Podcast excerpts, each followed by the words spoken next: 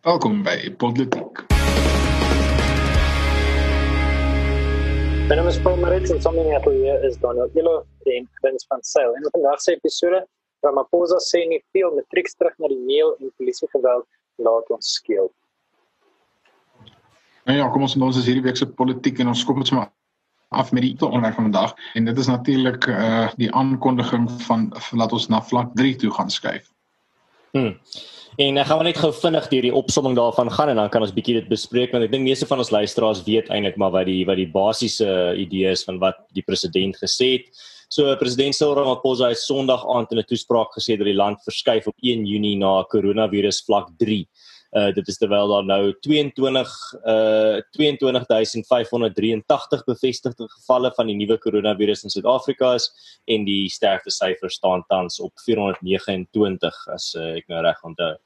En dit is nou reeds 10 weke sedit ons in hierdie in hierdie staat van inperking ingegaan het en miskien hier is net 'n paar basiese goed wat verander het en goed wat dieselfde gebly het. So uh, alkohol gaan uh, weer verkoop kan word, maar miskien net op sekere tye.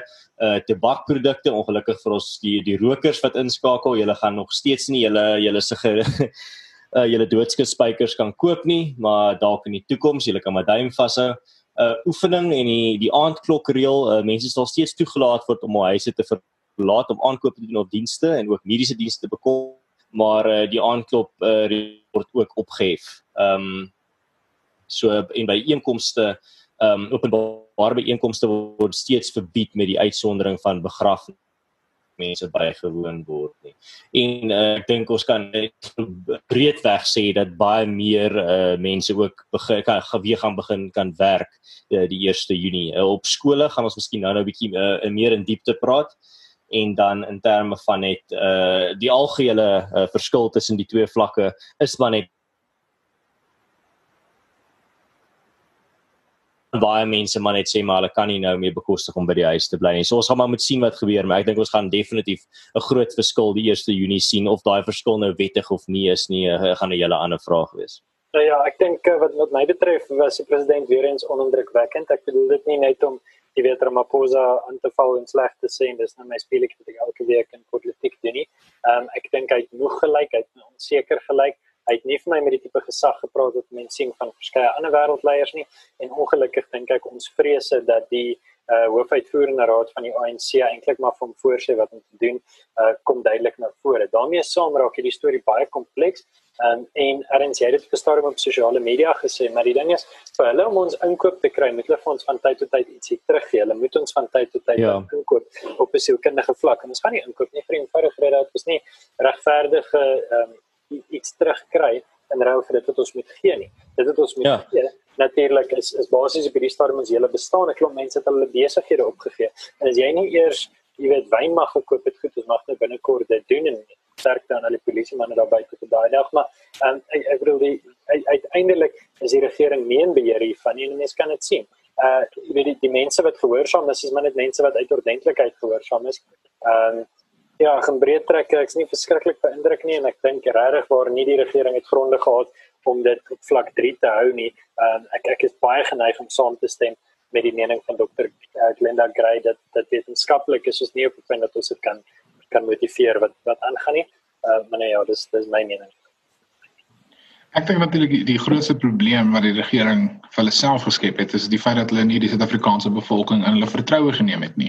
Op geen punt het hulle gesê, weet julle wat, hier is 'n moeilike situasie. Dit is uh ons sit met hierdie verskriklike uitdaging en ons moet aan die een kant ekonomiese groei balanseer en aan die ander kant het ons aanvanklik ten minste dit ons nou in Maart gesit met hierdie onbekende virus wat ons nie regtig geweet het hoe aansteeklik is dit en hoe dodelik is dit. So as hulle net gekom het en uh, die vrymoedigheid gehad om te sê hierdie is die inligting en die data wat ons ons beskikking gehad het, hierdie is die opinies wat ons gehad het en ons het by die volgende gevolgtrekking gekom en dis hoekom ons in inperking gegaan het. Dan is daar ten minste 'n uh, uh, al dis nie noodwendig 'n redelike rasionele verbinding nie, maar dit is ten minste 'n rasionele verbinding tussen die inligting wat hulle gehad het en ingewin het en die besluit wat hulle geneem het. Maar tipies soos wat dit maar met die ANC is, het hulle nie eers as hulle nie eers bereid om so deursigtig te wees om te sê waarop het hulle besluit gebaseer nie. En ek dink omdat hulle van die begin af daai benadering gevolg het dat dit so geheimsinnig was, het nou gelei dat die Suid-Afrikaanse bevolking baie vinniger 'n versadigingspunt bereik het en baie vinniger nie meer die regering vertrou nie want uh, hulle is nie bereid om ons te vertrou nie.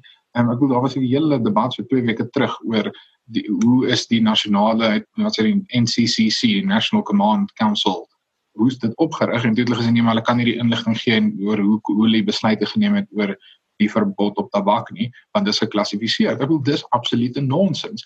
Die, die punt is dit is nie iets wat die sekuriteit van die die land bedreiging is nie, iets wat die veiligheid van die bevolking bedreig nie. Hulle is net nie lus om dit te openbaar nie want ek vermoed daar's bietjie agterdogtige redes oor hoekom hulle nog steeds uh die wettige verkoop van van tabak verbied. Ehm um, en en ek dink dis die ANC se grootste uitdaging, die grootste fout wat hulle gemaak het en ek dink dit is hoekom dit nou gaan terugkom en hulle ernstig en seer byt. Hmm.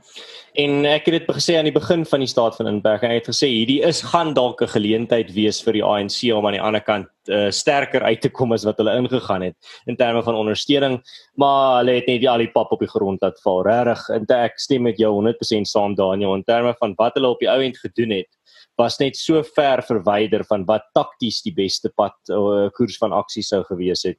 Dat is eintlik nogal dis eintlik nogal bietjie vermaaklik om te sien hoe iemand iets so mooi en behoorlik opmors.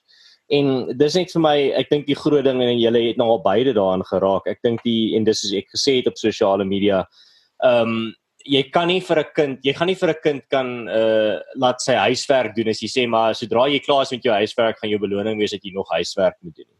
Ehm um, dis nie hoe basiese sielkunde van mense werk nie en ek gaan ek kan 100% met absolute sekerheid sê dat die Suid-Afrikaanse regering het vir sy mense of vir die die landsburgers nog geen uh, toegewings gegee nie, nog geen beloning gegee vir wat hulle vir die opofferings wat hulle gemaak het of die geduld wat hulle gewys het nie. Hulle het eintlik ongelooflike uh, disrespek vir hierdie land se mense gewys en eintlik in hulle in hulle hande gespoeg en hulle gesê maar julle gaan maar net nog meer kostes moet dra. En ek dink ons het nou 'n punt bereik waar mense maar net gesê het maar dit is nie moontlik vir my om enige kostes mee te dra nie so jy kan maar gaan vlieg. En ek dink die ANC het eintlik soos ek uh, kon baie kontroversieel aan die begin gesê het Ehm um, hulle het 'n groot kans gehad om aan die ander kant sterker uit te kom, maar nou dink ek gaan hulle aan die ander kant uitkom en hulle gaan maar net soos 'n absolute pop lyk, like, soos 'n en ek dink die, die en die ander die ander groep in Suid-Afrika wat ek dink ook uh, nie uh, hierdie oor lockdown aan die ander kant gaan uitkom sonder om bietjie te stink nie, is eintlik ook die hoofstroom media. Nou nie almal in die hoofstroom media nie.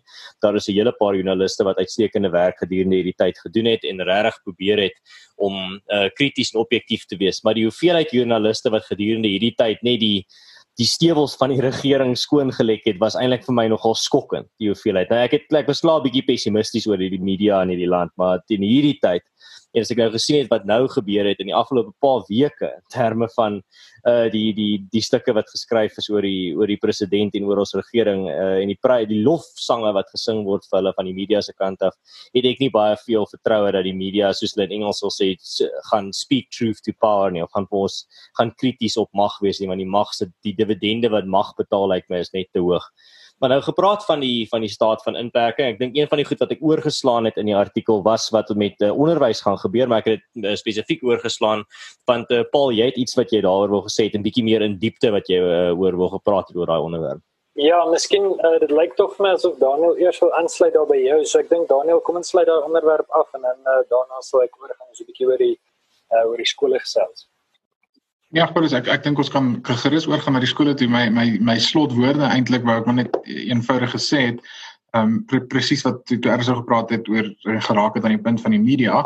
Dis vir my verskriklik om te sien dat in die afgelope 9 weke, dis nou weer eens nie deur die bank alle media nie, daar's baie uitstekende media soos wat Ernst reg uitgewys het. Maar hierdie hele idee dat die die media in plaas van 'n waghond te gewees het teen die regering in hierdie tyd waar ons almal geweet het regtig gaan ingeperk word en regtig gaan ernstig aangeraak word, het hulle besluit om eerder te fokus op die mense en die mense wat inperkingsregulasies oortree en waar gaan op die strand stap of met hulle honde gaan loop of gaan oefen. Ehm um, ek wil dis net absoluut waansinnig dat die die media dit so omgedoen het. Ehm um, maar nietemin, eh uh, dit is dalk my laaste gedagtes oor dit en is eintlik maar net 'n herhaling van afgelope 8 of 9 weke se gevoel oor die inperking. Ehm um, ek dink dit is ook goed dat ons oorgaan na ten minste 'n klein lig of 'n silwer randjie om die donker wolk en dis ten minste dat die skole weer gaan heropen. Ja, ehm um, Daniel, die ding is, mense hoop so nee, mense hoop dat dat daar werklik teruggegaan word. Ehm um, ek het jy weet ouens wat wat my op sosiale media dop hou sal sien ek het nou baie hieroor gepraat in die laaste ruk. Uh ons het veral van Adam Abib gesien dat hy uitspraak gemaak het teen die politiek wat hom inmeng by die onderwyssektor, veral in sy geval die hoër onderwyssektor, maar uh dit is ongelukkig nie so eenvoudig nie. Uh my gevoel is goed kom ons sê ten eerste wat is besig om aan te gaan. Onderwysers is begin van hierdie week 25 Mei terug skole toe en hulle het afstand behou en um, hulle moet gaan beplan vir die res van die jaar en daar's vir ons gesê dat die matriek se eindeksamen 'n bietjie gaan aanskuif. Hy gaan 9 Desember klaarmaak met hier en daar 'n paar weke vakansie, maar die groot vakansies vir die jaar gaan dan nou nie meer wees. Goed. Ehm um, Dis sê minister Angie Motshekga sê verstaan dat mense is wat onseker is. Daar's natuurlik baie mense wat sê nie maar ons kan nie skole oopmaak nie. Van die oomblik wat ons skole oopmaak, uh, gaan almal siek word en die ouers en so aan. Ehm um, maar minister minister Motshekga sê baie sterk nie ons moet ons moet oopmaak, ons moet ingaan. Kosa as die uh, Congress of South African Students het gesê dis irrasioneel. Hoe op orde kan jy, jy weet, alle skole met dieselfde kamp skeer? Ehm um, dis baie verskillende situasies. Ons het meer as 1000 skole is gevandaliseer in hierdie tyd. En dan het die South African Union of Students sou het gesê nee, sommer die hele akademiese jaar moet geskraap word. Nou okay. So dit is in 'n in 'n breë agtergrond konteks. daarmee saam met Musi Maimane 'n petisie wat sê skole moet nog nie oopmaak nie. Maar die probleem is as skole nie nou oopmaak nie, dan gaan skole hierdie jaar nie uh kan klaarmaak met hulle program nie. So dit dit bied vir ons 'n wesenlike en 'n werklike uitdaging. As matrieks in graad 7 is die 1 Junie terugkeer soos hulle veronderstel is om terug te keer, glo ek dat hulle daardie kardinale jare sal kan klaarmaak en sal kan oorgaan na die volgende fase toe. Die probleem en die rede hoekom ek graag oor hierdie onderwerp wil praat is wat beteken dit? Dit beteken ongelukkig uh dat en, en hier sien mense weer dat politieke klap wat wat hierdie instellings weg het. Wanneer 'n jaar afgeskryf word en wanneer mense 'n jaar moet herhaal, selfs al het hulle akademies presteer, beteken dit dat um hulle wat heeltemal afhanklik is van staatshulp wat geen rekening hoef te betaal nie, nie regtig geïmpakteer is nie. Ja, jy verloor 'n jaar van jou lewe of 'n jaar van jou loopbaan, maar jy kry 'n uh, reeks gratis middagete en 'n reeks gratis voordele in ruil daarvoor. Die mense wat regtig gaan swaar kry, is wat wat genoem word die missing middle, die mense wat nie deur staatshulp onderhou kan word nie, maar nog steeds finansiëel sukkel. En daarmee saam almal wat 'n jaar van hulle loopbaan en 2% van hulle potensiële pensioen gaan verloor. Hoekom? Uh, wel, en as ons kyk na rente op rente, miskien 4 of 5% van hulle potensiële uh, pensioen gaan verloor. Hoekom? Want ons mense wat net regtig nie bereid is om die groter prentjie te sien nie. Ek is bekommerd dat ons maandag onluste gaan sien by skole, dat daar veral in informele nedersettings matrieks en ouers gaan wees wat skadig en aanrig by skole en ek hoop ek is verkeerd. Ehm uh, maar uh, ja, miskien uh, miskien ek op daai punt stop kerels, ek hoor graag julle mening hieroor. Uh, net net net 'n um, bietjie buitelas Paul by jou hele misnoë oor die die skole en die situasie en die effek daarvan. Uh, ons ons weet dat alhoewel die matrieks in graad 7 is nou mag terug gaan skool. Baie baie dankie aan ons heersers wat bereid is om daai vergunning vir ons kinders te maak. Ehm um, maar die res van die grade bly toe en nie net bly die res van die grade toe nie, maar ons kleuterskole en voorskole en crèches is natuurlik nog steeds toe. Vir die ouers wat sit met kinders by die huis, kinders wat regtig nie alleen by die huis kan bly nie ag nee, ons almal kinders wat jonger is as 6 of 7, ehm um, het nog steeds geen opsie nie. Hulle sit nog steeds vas en ons weet hoe belangrik is die vroeë kinderontwikkeling vir vir vir jong mense. Uh, dis 'n absolute kritiese deel van 'n kind se ontwikkeling om tussen hulle hulle maats te wees, om om skool te gaan in hierdie tyd en om blootgestel te word aan aan dit wat hulle gaan op skool in elk geval mee blootgestel word maar net op 'n laer en vroeër vlak. En en die feit dat dit nie nie enigstens bespreek word op die oomblik deur minister Sisulu uh, Zulu nie want natuurlik is die die bevoegdheid oor kleuterskole lê nie by die minister van basiese onderwys en dit lê by die minister van maatskaplike werke. Maar die feit dat hulle niks daaroor sê nie is 'n skreiende skande. Ehm um, en en jy praat van hierdie missing middle bowl hierdie hierdie is sommer 'n hele missing groot gros mense wat uh, en en jong kinders wat die toekoms van ons land in hulle hande het en en ons is nie besig om hulle enigstens aan te spreek nie of hulle te probeer help nie en en ons los dit maar net eintlik so ja, ek wou amper sê vir die spreekwoordelike wolwe. Hmm. Uh my gedagtes hierop is baie baie kort. Ehm um, vir my is dit net ek dink nie daar's enigiemand hierso wat sal wat sal saamstem dat om oor die internet of oor Zoom of oor Teams of wat ook al hierdie skole gebruik te leer en 'n klas te uh, op te voed is enigsins effektief nie. Ek dink dit is dit dit gaan 'n klomp probleme veroorsaak en dit dit, dit jy kan nie verwag van ouers om seker te maak dat hulle kinders uh 100% die huiswerk doen en by alles by die by die kurrikulum bly nie. Dit is net 'n te groot vraag om te vra of van baie ouers um, en ek dink baie ouers nie net dat hulle miskien nie in staat is om te doen nie, party gee net nie genoeg om nie. So ek dink op die ou end gaan dit baie van die groot skade wees wat gelei word. So daar gaan dalk hierdie persepsie wees van ons het eintlik baie werk in hierdie tyd gedoen. Kyk net na al die werk wat ons gedek het oor Zoom of wat ook al program die die uh, onderwysers gebruik. Maar ek dink nie dit gaan gereflekteer word in die praktyk nie. Ek dink uh, in die praktyk gaan kinders allerlei maniere kry om hulle huiswerk nie te doen nie, om hulle werk nie te doen nie, um, om te kroek om allerlei kort paaie te kies uh, of kort paaie te vind om uh, verby hulle hulle verantwoordelikhede te kom. Dis maar net hoe kinders is. En ek bedoel ek was self so oud en ek weet ek sou allerlei kort paaie probeer vind het as ek in daai posisie was waar jy nie uh, in daai klasomgewing of in die skoolomgewing is nie en dit is net vir my tragies dat ons nou hierdie mense het wat sê maar nee ons kan nie nou oopmaak nie. Ons moet nog vir nog 3 of 6 maande toe bly om seker te wees. Maar op terselfdertyd is nog net ek dink laas toe ek gesien het tussen 30 en 40 kinders onder 19 of onder 18 in die hele wêreld dood aan koronavirus. So dit is hulle dis glad nie 'n groep wat uh, teen enige risiko is nie. Um, maar my vraag miskien net om my af te sluit is en enigiemand van julle kan antwoord. Hoe wat was die plan om op te vang met die verlore tyd? Sou die vakansies korter gemaak gewees het? Uh wat was die die benadering? Want ek het uh, ek het nêrens nog regtig uh, soveel nagevors ek kan sien uh hoe die ehm um, die skole beplan het om op te vang met die tyd wat verlore is. Dalk kan julle my inlig. Ja, Arends ek sal graag. Kyk, so daar's 'n paar dinge en natuurlik sê ek nou net sê die die eksamens en so aan gaan gaan teruggeskuif word. Uh ek onthou my eindeksamen het so 20 November klaar gemaak dit het ek nou nog uh, kom ons ons laaste hoofvak was die 20ste November. Natuurlik as jy nou nog uh, ander vakke daarna het maar goed dit word nou uitgeskuif met kom ons sê 3 weke na 9 Desember toe. So daar gaan 'n addisionele 'n paar weke daar wees. Die eksamen gaan in 10 teen heel wat later begin.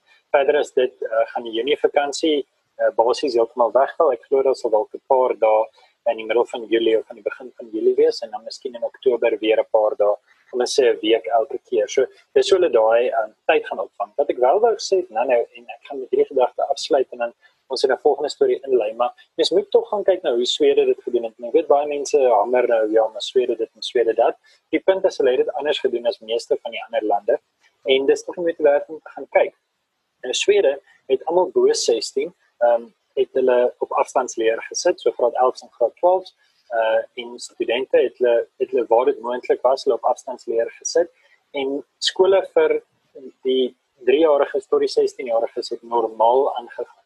En natuurlik hulle is gesaniteer, hulle het maskers gedra, al die goeders, daar was 'n um, ordentlike afstand soos wat dit voldoende was. Daar het ek nie spesifiek ingelees nie, maar die punt is normale skool het aangegaan uh vir almal van 1 tot 16 jaar presies erns soos wat jy sê omdat hulle baie lae kategorie is. En um, die punt is ons het die bal laat val en ons gaan 'n 'n hele jaar groep hê wat vir die volgende 50 jaar in ons arbeidsmark gaan wees wat uh dit kardinaal en krities was laafvlak onderrig gekry het. Uh en dit is ongelukkig iets wat ons mee uh gaan moet werk en al hierdie goed pak natuurlik op. Dit dit pak op dat uh klomp van die skole ontwrig is tydens stakings 4 of 5 jaar terug en miskien was jy te groot af nou as jy matriek die tipe van goeders. So dit skep 'n groot klomp onsekerheid. Praat van onsekerheid, miskien moet ons oorgaan Daniel na die volgende onderwerp. En is dit die gedagte dat die polisie en die weermag regtig hierdie hele storie sleg hanteer het. Um ek verstaan dat hulle ook nou um, moet bewys dat hulle dat hulle sal verbeter en nou 'n klomp um 'n klomp goed voldoen. Uh, maar hulle hulle doen nie wat hulle moet doen nie as ek dit so kan stel. Nee, bedoel van die begin van die inperking af het ons al hierdie verskriklike gedrag van van die polisie en asook die weermag gesien wat natuurlik ontplooi is in hierdie tyd. Ehm um, en en ek dink ons het hierdie ons het te lank hier te gesels en ek dink ons is almal eens dat die gedrag wat ons sien in baie video's van die polisie en en deur die weermag is net 'n skreiende skande. Ehm um, ons ons het aanvanklik gesien dat so 'n paar weke terug gaan amper bietjie meer as bietjie minder as 'n maand terug toe meneer Collins Kosa letterlik uh, doodgeslaan omdat hy gewaag het om binne sy eie private eiendom te drink vir die weermag om daar uh, weet gekry en hom letterlik doodgeslaan. Ehm um, ons het almal die video gesien van die vrou in die Kaap wat deur die polisie ehm um, vasgekeer is en toe uh, ook aangerand is omdat sy buite was. Ek daar's net so baie voorbeelde mense wat met push-ups doen oor dat die die weermag of die polisie vir hulle so sê want hulle was buite.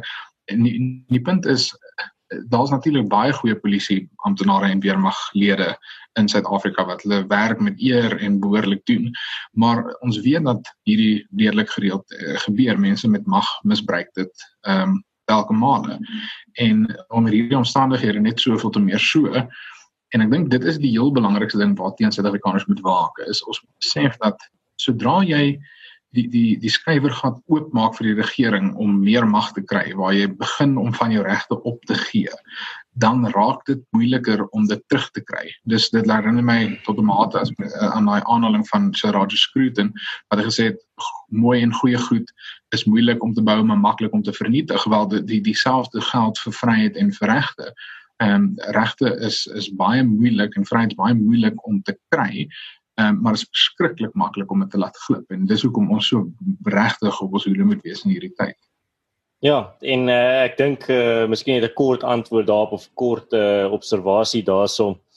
Ehm um, ek dink die wat ons hierso sien met die weermag veral in Suid-Afrika is wat meeste filosofe, wel nie meeste maar baie filosofe al gesê het oor die die ontplooiing van 'n weermag uh, plaaslik. En dit is as daar nie as die weermag nie 'n vyand kan vind nie, sal hy een maak en ek dink dit is wat ons hier gesien het vandag uh, of tans uh, in Suid-Afrika is waar die die die weermag en die polisie tot 'n sekere mate gaan soek vir werk. Ehm um, en ons moet ook onthou soos al voorheen op hierdie uh, program gesê het, ons weermag is nie opgelei om met uh, met burgers te werk of met civilians te werk nie. Hulle is opgelei om met uh, vyande te werk op 'n op 'n slagveld. So uh, ek dink en hulle het uh, lewendige ammunisie ook uh, nog aan hulle sak ook. So dit is definitief nie 'n baie goeie situasie om in te wees nie. En ek is maar net ook weer geskok oor hoe maklik eerstens hoe, hoe maklik die regering die die hele weermag van 76000 ontplooi het en hoeveel van my my medelandsburgers dit net aanvaar het as normaal. Ja, en uh, natuurlik ongelukkig gesien Ja, mens kan soveel sê oor die hele situasie. Ek wil sê oor uh jy weet dit dit het mens duidelik hier so sien, jy weet jy het ewe skielike rede vir weermag om plooi te word. Hulle misbruik hulle mag, daar's 'n bietjie inperking deur howe. Ons uh jy weet hulle gaan jy nie noodwendig op groot skaal daan steur nie. Um ek ek die eerste persoon wat erken, ek dink dit kon baie erger gewees het, maar op presies dieselfde punt, dit kon regtig dit was regtig onnodig dat hulle die vlak ontplooi is. Dit is werklik onnodig dat daar op die vlak vrees ingeboesem is. Ek het 'n beskiklik interessante ehm um, interessante plasing op sosiale media gesien ehm um, waar iemand gesê het die interessante van dit alles is dat vrees nou 'n deugde geword het. Hulle wat die bangste is is hulle wat jy weet die morele hoëgrond het en jy kan amper vir virus en maar ek het my beter gedra. Ek was meer bang vir die hele storie. En dis jammer, dis jammer dat dit vrees so ingeboesem is in die ehm um, aan die burgers. Ek ek dink die belangrikste ding vir ons en vir elke politieke luisteraar is om seker maak dat ons elkeen van ons regte stelselmatig so vinnig as moontlik terug opwys. Nou ja, dan sluit ek my relasie oor af.